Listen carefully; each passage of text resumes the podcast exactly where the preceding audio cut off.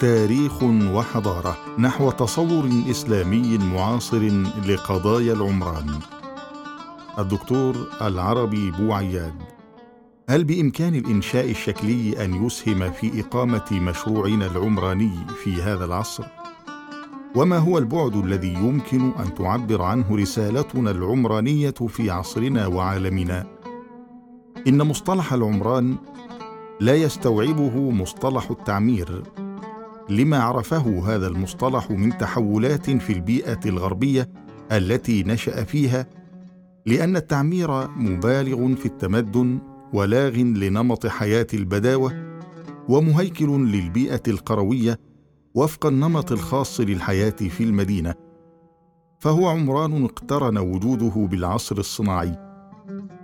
لكن العمران خلافا لهذا الحصر يستوعب كل أنماط حياة البشر المدني منها والقروي والبدوي على السواء. فهو كما أقر العلامة ابن خلدون رحمه الله اجتماع بشري ضروري لتبادل المصالح بين الناس ليكمل وجودهم ما أراده الله من اعتمار العالم بهم ومن استخلافه إياهم. أما البنيان فهو جزء من العمران وعنصر أساسي له يمكن من تناول تطور شكل الحاضرة في بيئتها ويمكن من فهم الأجهزة التي تنظم العلاقات بين مكونات العمران المختلفة. والفرق بين البناء والبنيان فرق شاسع. لكون البناء لا يستوعب الأسس النظرية للبنيان بحكم قيامه على الوظيفة والمتانة. فالبنيان عبارة عن فقه نوازل حركة البناء لتلبية رغبات الإنسان وحاجياته في إطار من تصوره ومعتقداته ضمن منظور بيئي وواقع معين لعمران يسهم في إنشائه الجميع. وبهذا احتوت رسالة البنيان بعدا يعبر عن الهوية الجوهرية للحضارة في البناء وبعدا يعبر عن الفترة الزمنية التي تأسس فيها البناء وعن انتسابه المحلي والقومي. ولقد حمل العمران والبنيان هذه الرسالة المزدوجة في إطار الحضارات السابقة بما يعبر عن البعدين للهوية والقيم. إلا أن الغرب قدم نشازا منذ نهضته وما سماه بعصر التنوير. فأقدم على تغييب البعد الثابت المعبر عن هوية البناء المعنوية وتجريده من قيمها النوعيه وهذا ما سنصطلح عليه بالعمارة الحداثية. فالعمارة الحداثية وما تقوم عليه من وظيفة ومتانة وجمال اختزلت رسالتها في البعد المادي فقط والقيم التي ترتبط به. ولنا أن نتساءل ما مدى الخطورة تجاه التعبير الحداثي السائد اليوم في الإنشاء العمراني؟ وأي مجال عمراني نريد؟ يقتضي الجواب على هذين السؤالين عرضا منهجيا للقراءة الحداثية للمجال العمراني والإحاطة بجوانب المسألة. وحتى نستطيع تقديم عناصر في الحل وتناول القراءة الإسلامية في المجال نحتاج إلى تقديم نتائج أهم محاولات التنظير الحداثي في هذا الميدان. القراءة الحداثية للمجال. إن القراءة الحداثية للمجال قراءة شكلية ناتجة عن غياب منهجية معتمدة في هذا الميدان. وكما حدث في مجالات أخرى فلقد فقد التفكير في إيجاد المنهاج في العمارة الحماسة التي انطلق بها في الغرب خلال ما اعتبره نهضة وتنويرا. فعند الانطلاقه في إطار الثورة المعرفية في الغرب وخاصة خلال القرن الثامن عشر كان الإصرار على البحث في مبادئ كونية وإجراءات عامة يمكن نقلها لكل العلوم.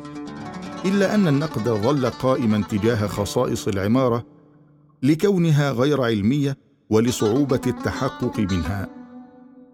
ويمكن أن نقدم أهم محاولات التنظير الحداثية في هذا الميدان.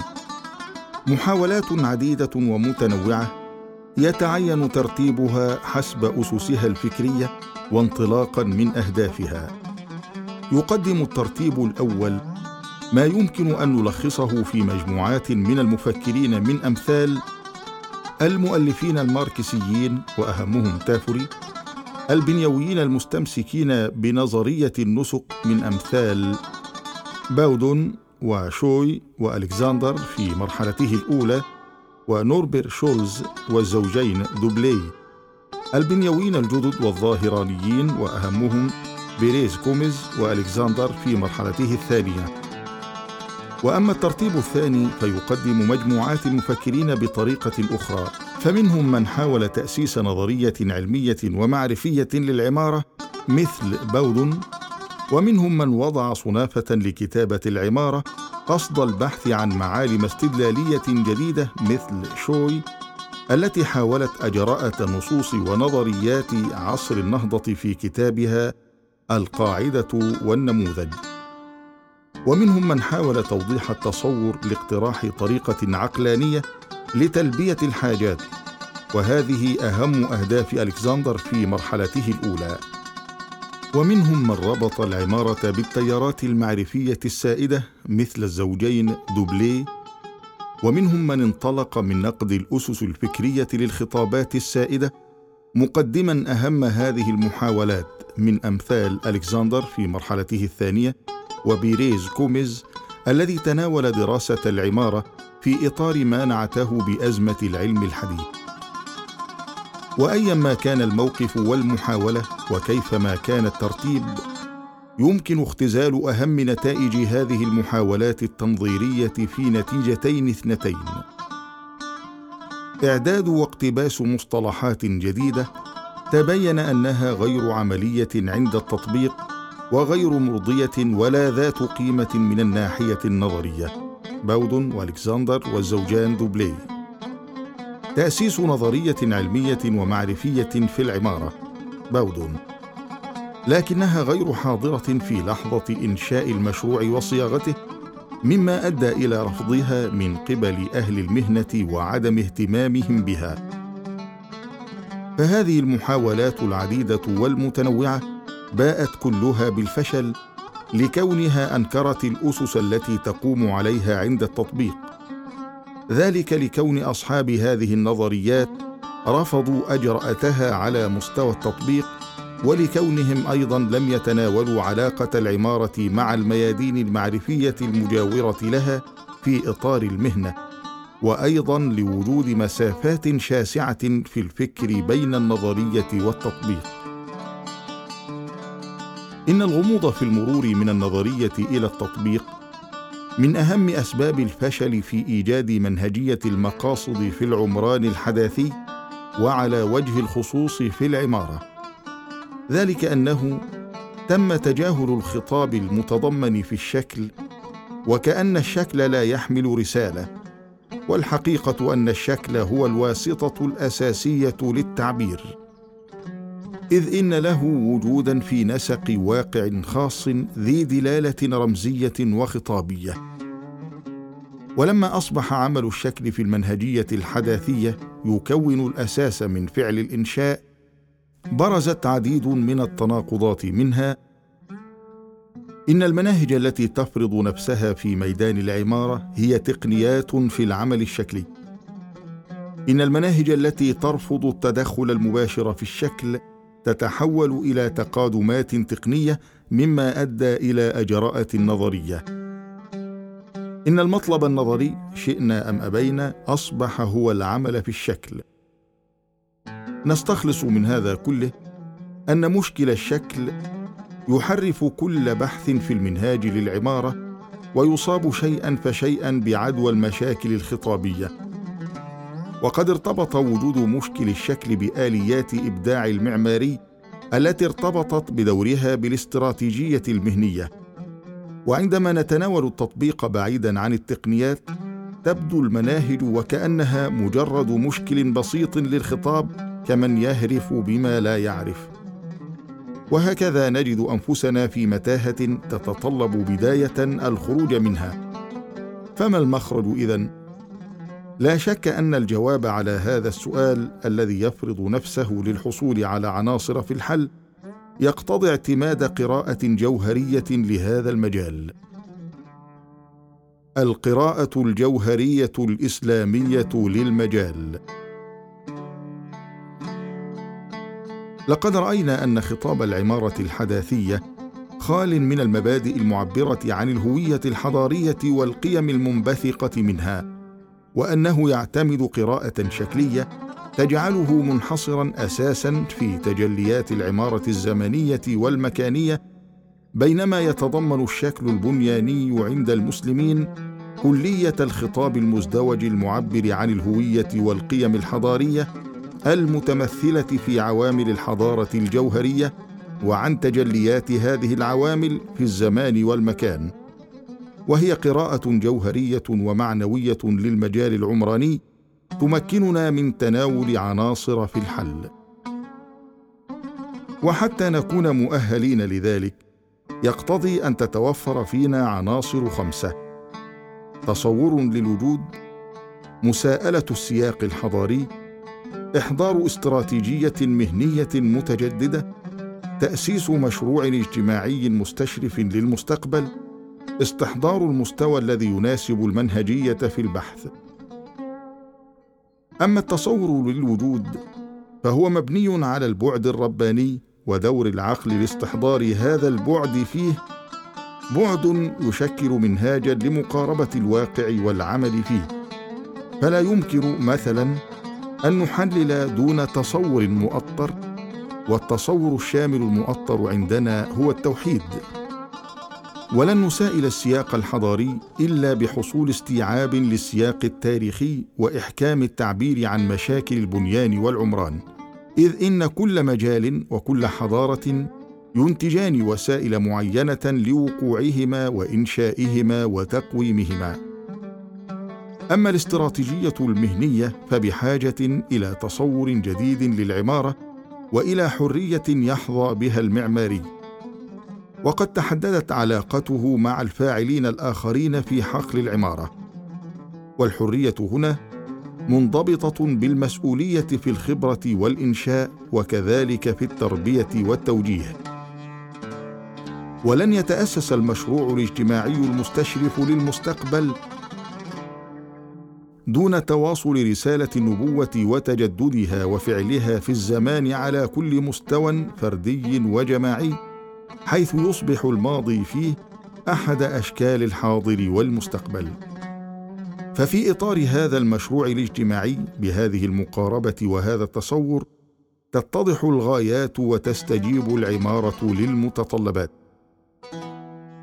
ولاستحضار المستوى المناسب للمنهجية نتناول كل المستويات الفاعلة فيه بشكل هرمي في خمسة مستويات. مستوى المذهب مستوى الفكر مستوى النظرية مستوى المنهجية مستوى التقنيات. فلا ينبغي للبحث في منهجية العمران وإنشائه أن ينحصر في مسألة الإجراءات الشكلية منا. هو الشأن في القراءة الحداثية بل يتعدى ذلك إلى حل إشكالية الإنشاء المعماري وإعادة صياغة المشروع في إطار هذا الهرم. فعلى مستوى المذهب لا يمكن أن نعمل على تغيير الواقع بمنأى عن التوحيد الذي يقدم منهج مقاربة الوجود وشمولية التراكيب. في هذا المستوى تتجلى أهمية المبادئ المؤسسة للعمارة وثوابتها التعبدية والأخلاقية. ويعتمد مستوى الفكر على إرث النبوة المتواصل الذي يمكننا من أن نقدم مشروعا اجتماعيا محدد المعالم. وفي هذا المستوى يتكون عند المعماري مشروعه للمجتمع والحياة وأسس مقاصد هذا المشروع وهنا تظهر أهمية الغايات. أما مستوى النظرية فنستطيع أن نحدد فيه توجهات البحث المنهجي للعمارة وغاياته ومسؤولية كل متدخل في عملية البناء كما يمكن إثبات مكانة الشكل في مسار الإنشاء المعماري وتوضيح الاستراتيجية المهنية للمعماري وفي هذا المستوى تكمن أهمية المقاصد. ثم يأتي مستوى المنهجية الذي هو الإطار لكل من يسهم في عملية البناء. حيث يتم أيضا إثبات طرق الانتقال من العمل الشكلي إلى العمل غير الشكلي. وعلى هذا المستوى تتجلى أهمية الأهداف الكامنة في الوظائف. وأخيرا يأتي مستوى التقنيات المناسب للعمل الشكلي والهندسي المتغير أيضا الذي يتم فيه تحديد مواد البناء أو التراثية أو المعاصرة للمتانة. ومعاينة الوسائل الفنية لاضفاء مسحة من الحسن والجمال على العمارة. وبهذا يتضح أن البنيان الذي هو من أهم مكونات العمران إن هو إلا بنيان منضبط بأحكام وأصول ومبادئ وقواعد ومقاصد يكون الشكل فيه الإطار المجالي الملبي للمتطلبات من خلال الوظائف التي يحتويها وتلفه لمسة من الجمال يبدعها المعماري. خطاب الحضارة في البنيان. فالمجال العمراني إذن هو الإطار الكامن لمضامين تعبر عن أبعاد خطاب الحضارة في البنيان وما يترتب عنه من وظيفة ومتانة وجمال. وبهذا يتجلى لنا أن للعمران والبنيان عند المسلمين هوية تحتوي عنصرين متكاملين. العنصر المعنوي النوعي الجوهري وهو عنصر ثابت ومصدر يتعلق بالمبادئ المنزلة الموجهة لأسس الأعمال. وهو العنصر الذي يتضمن مبادئ الهوية ومرجعيتها الربانية. العنصر الواقعي المادي الملموس وهو عنصر قابل للتطور والتغير مرتبط بخصوصيات المجتمع وهو العنصر الذي يبرز المفاهيم المادية والزمنية للهوية. وغالبا ما تكرر نتائج محاولات إبداع مجال جديد الحلول التاريخية المتمثلة في المدن العتيقة القائمة في بلادنا فبقيت هذه المحاولات محصورة نسبيا فيما يمكن أن ننعته بتقليد السابقين وهو تقليد يضاف إلى تقليد الغرب الحالي. وفي الأخير إن تصور الحل الذي نقترح تصور مقاصدي له من المرونة ما يحرر الشكل ويفسح أمامه مجالا واسعا من الاختيارات التي تغنيها القيم. وهو تصور يتبنى أي تقنية تمكن من الوصول إلى المقاصد. وهو تصور يتناول مستويات الحياة كلها الاجتماعية والاقتصادية والسياسية وغيرها. فالقضية قضية حضارية والتصور تصور حضاري يحتاج إلى إرادة سياسية ووعي ثقافي وتأهيل اجتماعي وإصلاح اقتصادي ويحتاج أن يتبناه المجتمع بكل مكوناته ولا يبقى مقتصرا على نخبة من المفكرين المختصين بل يحتاج الأمر إلى تغيير حضاري شامل لأمة المسلمين وللبشرية. وفي انتظار هذا التغيير الحضاري يتعين على الذين يحملون هم تأسيس هذا المشروع الذي يتجاوز الشكلي إلى الجوهري في أي مجال تخصصي أن يعملوا مرحليا على ملائمة المقاصد مع متطلبات مهنتهم وملائمة هذه المتطلبات مع المقاصد. فلا مفر لهم من امتلاك رؤية تغييرية وإصلاحية ناصحة تتسم بالشمول الذي يقتضي اكتساب منهجية المقارنة في معرفة الذات الحضارية ومعرفة الغير. وفي الختام لا مفر من التأكيد على المسؤولية الخاصة الملقاة على عاتق معماري اليوم. لما يتم عبر عمل في بيئة التعبير عن عوامل الحضارة الجوهرية في المكان. فمن المفروض أن يتحلى المعماري بخصائص ثلاث اكتساب رؤية شاملة وروح أهلية تمكنانه من إبداع عمران جديد لما بعد الحداثة الارتقاء إلى مستوى الانفتاح المتوازن نحو التخصصات المتنوعة المعنية بالعمران القدرة على جعل حضوره الفعلي ضابطا يوجه باستمرار نحو الأهداف والغايات والمقاصد المحددة ويستطيع أي متخصص بعد تمثل هذه الميزات أن يستفيد من الوضع النوعي لأمتنا ليعرض للعالم أجمع مظهرا متميزا مظهر المتخصص النصوح والمستشار المتخصص المربي القادر على أن يسهم في إرساء قواعد النهضة المرتقبة التي ستكون إن شاء الله عالمية الموقع والفعل.